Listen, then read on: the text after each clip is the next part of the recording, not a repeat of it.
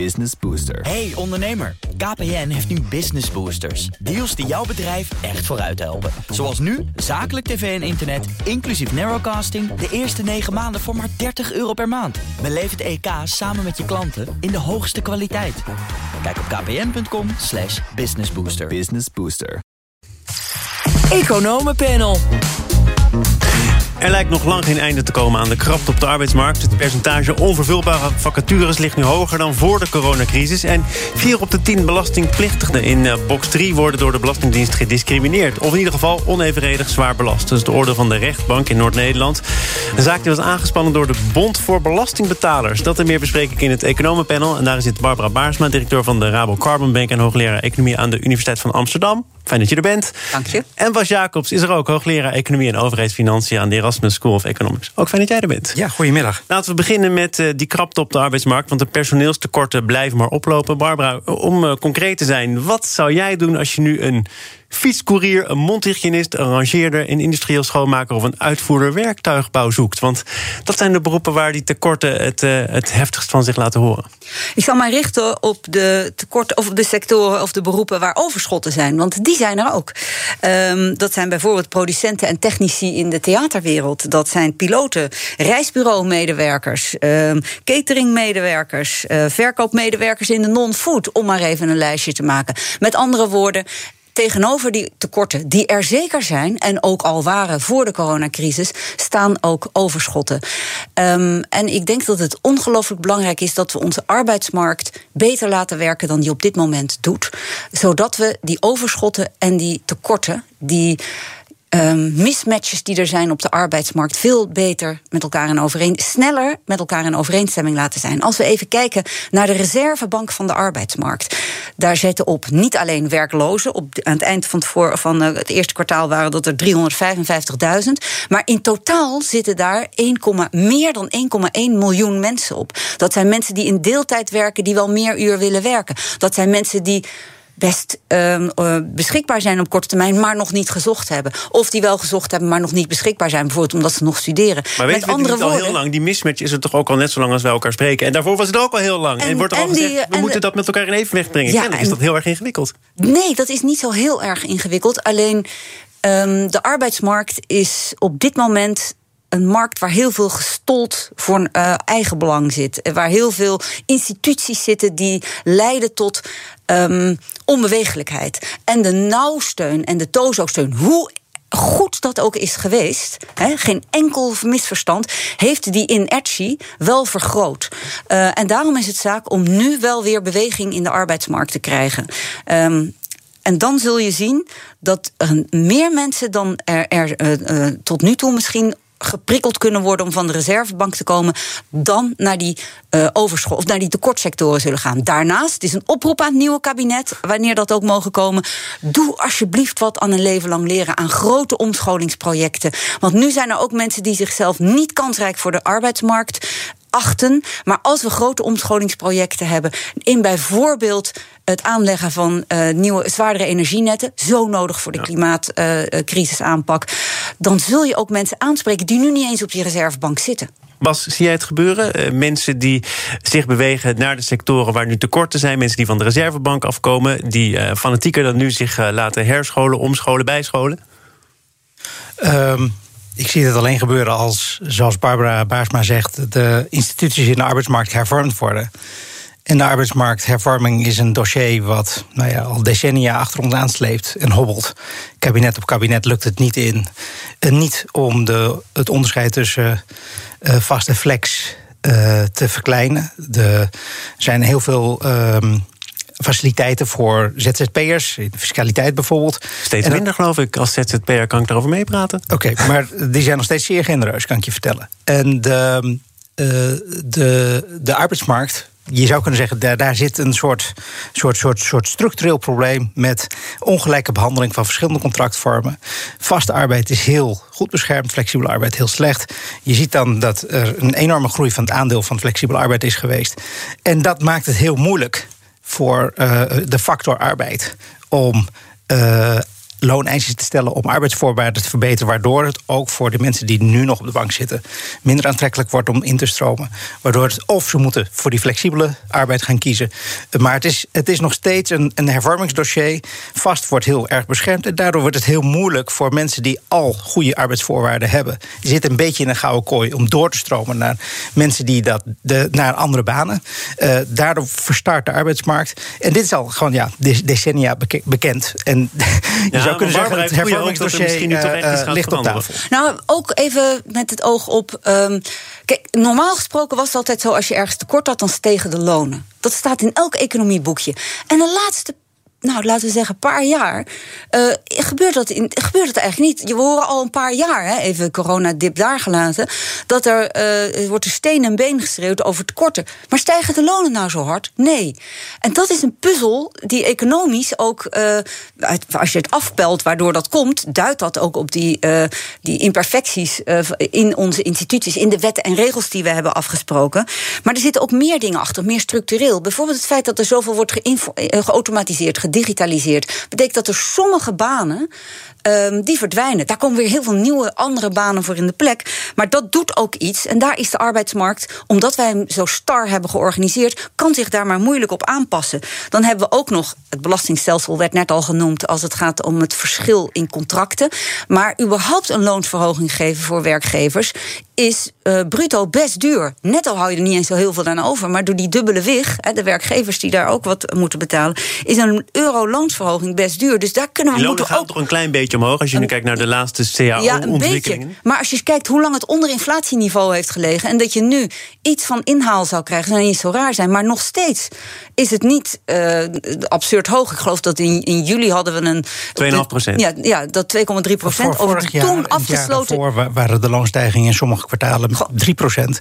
Dus het, wat we nu zien in de arbeidsmarkt is eigenlijk. Ja, heel raar. Uh, niet eens zo extreem. Ik zou niet eens zeggen, dit is, dit is horend bij krapte. Want als je kijkt ook naar de inflatie, is de reële loonstijging ongeveer nul op dit moment. Ja, maar al een tijdje. En, en dat betekent dus dat uh, ik denk dat er structurele factoren zijn. We noemden net al dat onderscheid vast-flex. Ik, uh, ik, ik, er wordt heel veel onderzoek gedaan naar de reden waarom het arbeidsaandeel in het BBP achterblijft ten opzichte van bijvoorbeeld kapitaal. En daar zitten er allerlei structurele factoren in die bijvoorbeeld te maken hebben met mededingingsbeleid. Een groep bedrijven met uh, steeds meer marktmacht aan de top van de bedrijvenverdeling lijkt in staat te zijn om zowel de consumentenprijzen als de arbeidsvoorwaarden te dicteren. De big techs onder andere. de big techs, inderdaad. Er, uh, er, er is natuurlijk ook iets aan de hand met met uh, het afwentelen van bedrijfsrisico naar werknemers. Dus als wer bedrijven werk, uh, werknemers kunnen uitspelen, dan kunnen ze een deel van het bedrijfsrisico naar werknemers doen in de vorm van flexibele beloning en dat soort dingen. We zien in de data dat flexibele arbeid eigenlijk minder wordt betaald dan, zwart, dan vaste arbeid. Dat kan in een concurrerende economische situatie niet voor risico moet worden betaald. Dat zien we niet in de arbeidsmarkt. Nee, er zijn dan een paar andere dingen die ertoe leiden dat het arbeidsaandeel omlaag gaat en de loon onder druk staan. En daar heb je dus recent nog bijgekregen, het ruime beleid van de ECB. Die bedrijven die, op, die, die eigenlijk uh, in een normale situatie van creative destruction. Ik bedoel, gewoon een behoorlijke bedrijfsdynamiek. Daar gaan bedrijven failliet. Er komen weer nieuwe, efficiëntere bedrijven, productieve bedrijven, innovatieve bedrijven voor in de plek. En nu blijven die plekken bezet door, door bedrijven die eigenlijk niet heel veel winst maken. En dus ook niet heel veel hogere lonen kunnen betalen. Vooralsnog, hè? De, de, Vooralsnog, ja. De vraag is natuurlijk wat er gebeurt als dat uh, steunprogramma als zoals nu dat, op zijn laatste benen loopt. Dan, dat zou kunnen. En hetzelfde geldt voor de coronasteun. Nogmaals, fantastisch dat hij er was. Hè? Maar nu is het wel weer zaak om dat langzaam wel te gaan afbouwen. Omdat namelijk ook daardoor um, uh, ja, er bedrijven in leven blijven die misschien uh, in normale omstandigheden het niet zouden volhouden. En die hebben minder ruimte ook om lonen te verhogen. Bas, toch nog even aan jou de vraag, want eh, het blijft dan toch belangrijk. Je ziet dat het al heel lang een beetje stagneert en dat de grote vraagstukken op de arbeidsmarkt niet worden opgelost, door welk kabinet dan ook. Maar stel je hebt een fietscourier nodig, je bent werkgever, je hebt een fietscourier nodig. Wat zou jouw oplossing nu dan zijn? Meer betalen. Nou, dus, dan, dus dan zouden de lonen alsnog omhoog gaan. Ja, en misschien wel veel meer dan dat je nu ziet. En, en ook, er, is nu in die nasleep van corona... is er natuurlijk in sommige sectoren krapte. Die waardeketens zijn ontregeld. ontregeld. We zien uh, gebrek aan, uh, aan grondstoffen her en der. We zien dat, dat allerlei vormen van na-effecten... van die coronacrisis nu in de economie zitten. En dat leidt tot prijsdruk. Dat leidt tot oplopende inflatie op korte termijn. Maar ik denk dat het er voor een groot deel in de loop van dit en volgend jaar weer uitloopt. Wat er dan overblijft is een situatie van voor corona van wat economen noemen langdurige stagnatie. Waarbij er toch heel veel druk is vanwege de vergrijzing op de besparingen. Heel veel besparingen. Door die technologische ontwikkeling is er relatief weinig vraag naar investeringen. Want moderne economieën draaien steeds meer op eh, eh, IT in plaats van machines en gebouwen. Uh, er is ook meer ongelijkheid in de wereld. Daardoor wordt er meer gespaard. Dus we hebben wereldwijd een groot overschot aan besparingen ten opzichte van investeringen. De rentes zijn daardoor laag. We zitten op die ondergrens van de centrale bank. De groei is matig de inflatie is heel laag. Het kan zijn dat, dat we nu door corona en door uh, de, het ruime beleid van de centrale bank en de het ruime beleid van veel overheden wereldwijd, inclusief de Amerikaanse, dat we nu wat uit het stagnatiescenario wegkomen. Dat zou heel mooi zijn. Maar, en daar hoort dus ook een wat hogere inflatie bij, wat hogere lonen en wat hogere economische groei. Dus als er nu eindelijk wat trek in die economie komt, uh, wat meer uh, loonstijging, wat meer inflatie, zou ik dat goed nieuws vinden. Want daarmee zouden we de boel eindelijk een beetje weer kunnen normaliseren van voor die vorige crisis. Het zou heel goed zijn als we als gevolg van wat hogere lonen wat hogere inflatie hebben.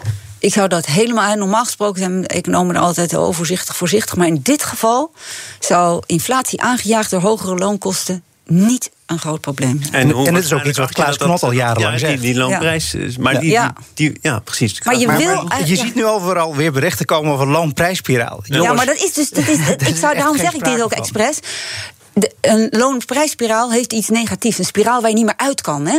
Uh, ik weet wel, sommige mensen hebben ook gezegd... inflatie is iets als tandpasta die je uit een tube knijpt... en er niet meer in terugkrijgt. Hm. Maar in dit geval is het een inflatie... doordat je die wat hogere loonkosten... zeker in dit deel van de wereld, in, uh, in Noordwest-Europa... is helemaal niet zo slecht voor de economische verhoudingen in de wereld. En ook uiteindelijk niet, uh, denk ik, voor binnen Nederland. We gaan naar een, een ander onderwerp met het economenpanel. Zaken doen. Thomas van Zeil. En dat economenpanel bestaat uit Barbara Baarsma, directeur van de Rabo Carbon Bank en hoogleraar economie aan de Universiteit van Amsterdam. En Bas Jacobs, hoogleraar economie en overheidsfinanciën verbonden aan de Erasmus School of Economics. En uh, Bas, ja, je naar je bekkie, want we gaan het hebben over uh, belastingen op spaartegoeden en beleggingen, zoals de fiscus die sinds 2017 oplegt. In strijd met het Europees discriminatieverbod, dus het oordeel van de rechtbank van Noord-Nederland, in een proefprocedure van de Bond voor Belastingbetalers. Wat is er sinds 2017, Bas, veranderd? Uh, toen heeft de overheid besloten om een tarief in box 3 van de belastingen, waar dus je spaargeld wordt belast, maar ook je beleggingen en je tweede huis, om dat tarief progressief te maken.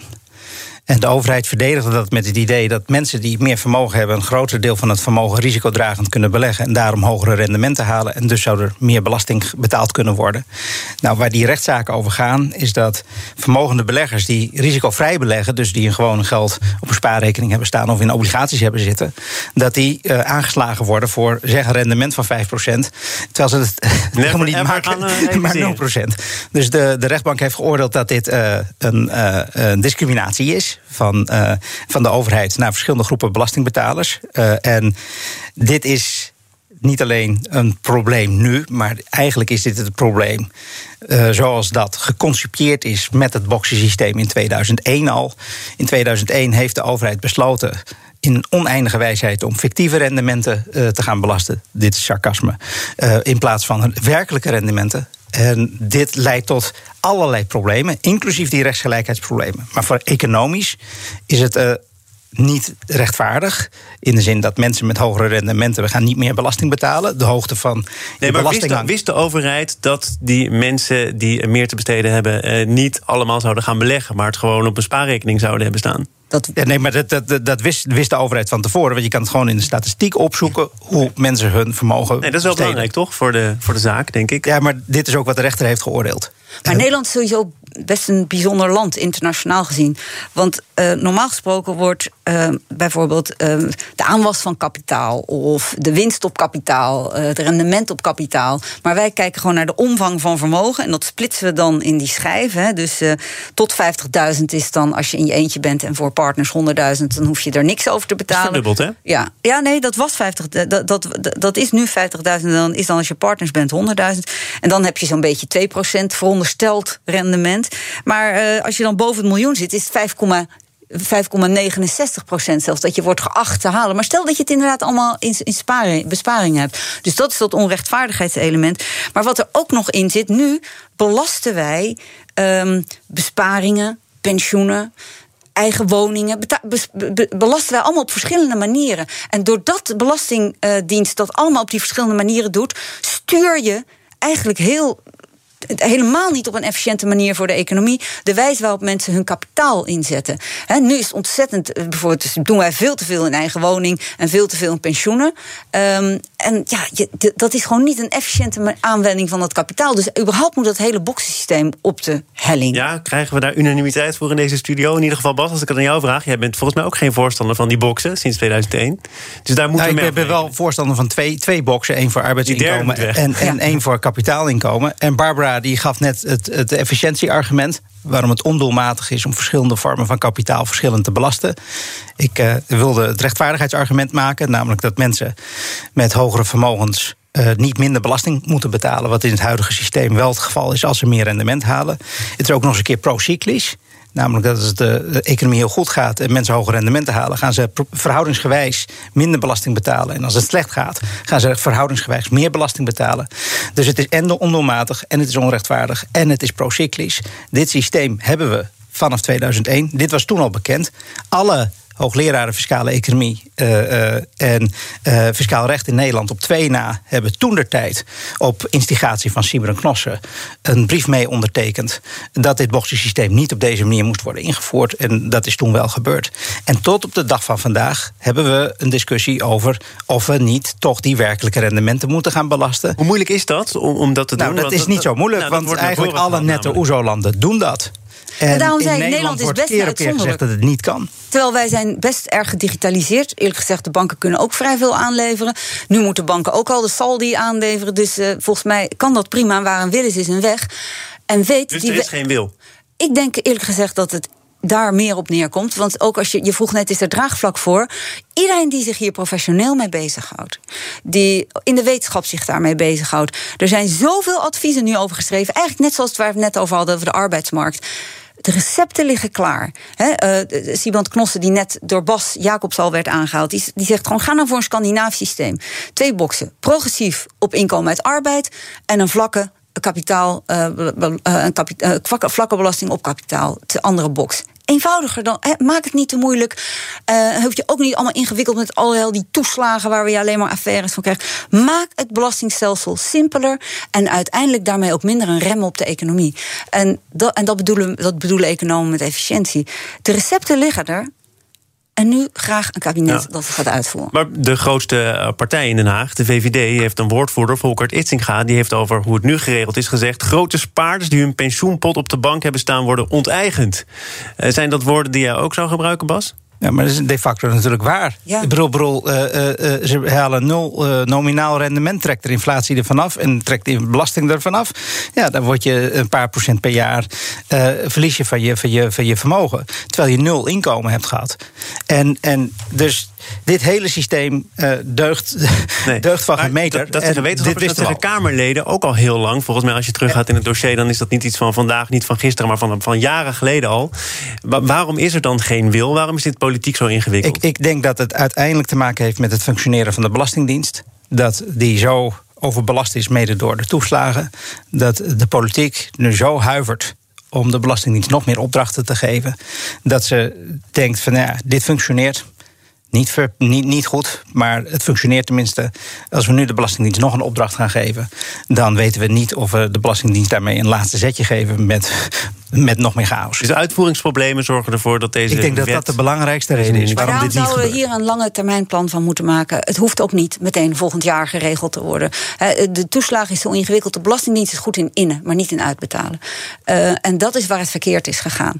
En wat, ik denk dat als we hier, eh, want zeker het, het, het hervormen naar een twee-boxenstelsel, eh, alle kerstballen eruit halen, alle toeslagen, toestanden eruit halen, dat vergt iets, is iets van de lange adem. Maar laten we wel vandaag het besluit nemen, vandaag de routekaart maken en vandaag aan het werk gaan. En dat betekent dus niet, hè, wa- waar de mensen die niet willen, die zeggen ja, dat inderdaad, uitvoeringsproblemen kan vandaag niet. Nee, vandaag wordt een besluit van u verwacht. En dan gaan we het morgen en Maar in het vorige regeerakkoord stond al hè, dat we gingen studeren op een belasting op werkelijke vermogensinkomsten. Ja, maar dat is maar een onderdeel. En, van- er, is, er, is, er is één notitie geproduceerd van, door het ministerie van Financiën... waarin nogmaals werd gezegd dat kan niet. En vervolgens is er niks mee gedaan. En nu zegt eh, staatssecretaris Veilbrief... ja, we hebben een beetje gestudeerd, laat het volgende kabinet het maar oplossen. Ja, we zijn dubbel dimensionair, dimensionair krijg je dan. Maar als hij, als hij de belastingvrije voet verdubbelt, wat gebeurd is, heb je dan ook praktisch gezien het probleem niet grotendeels opgelost? Nou, je, je bent eh, met een heel bot instrument. Ben je iedereen met geld tot eh, aan 50.000 voor een alleenstaande of de 100.000 euro voor een ton. Ben je aan het vrijstellen van belastingheffing. Maar nog, ik bedoel, het is, het is, het is, eh, eh, het is volkomen ondoelmatig. En ja, je, Nee, maar je geeft mensen gewoon meer belasting, het iets minder schadelijk voor een bepaalde groep, een bepaald onderdeel van het belastingstelsel. Maar je bent het belastingstelsel zelf niet aan het vereenvoudigen en verbeteren. En dat is wel wat nodig is. En dit is een onderdeel dat verbeterd moet worden, maar op een onderdeel iets minder schadelijk maken, dan je er nog niet. We zijn er wel voor vandaag. Dank voor jullie komst. Bas Jacobs, hoogleraar Economie en Overheidsfinanciën van de Erasmus School of Economics. En Barbara Baarsma, directeur van de Rabo Carbon Bank, hoogleraar Economie aan de Universiteit van Amsterdam. Zometeen dan is het eh, tijd voor mijn zakenpartner deze week. Dat is Marja Ruigrok. En we beginnen met een nieuwe serie over ondernemers die successen proberen te realiseren in Duitsland. Business Booster. Hey ondernemer, KPN heeft nu Business Boosters. Deals die jouw bedrijf echt vooruit helpen. Zoals nu, zakelijk tv en internet, inclusief narrowcasting... de eerste 9 maanden voor maar 30 euro per maand. Beleef het EK samen met je klanten in de hoogste kwaliteit. Kijk op kpn.com slash businessbooster. Business Booster.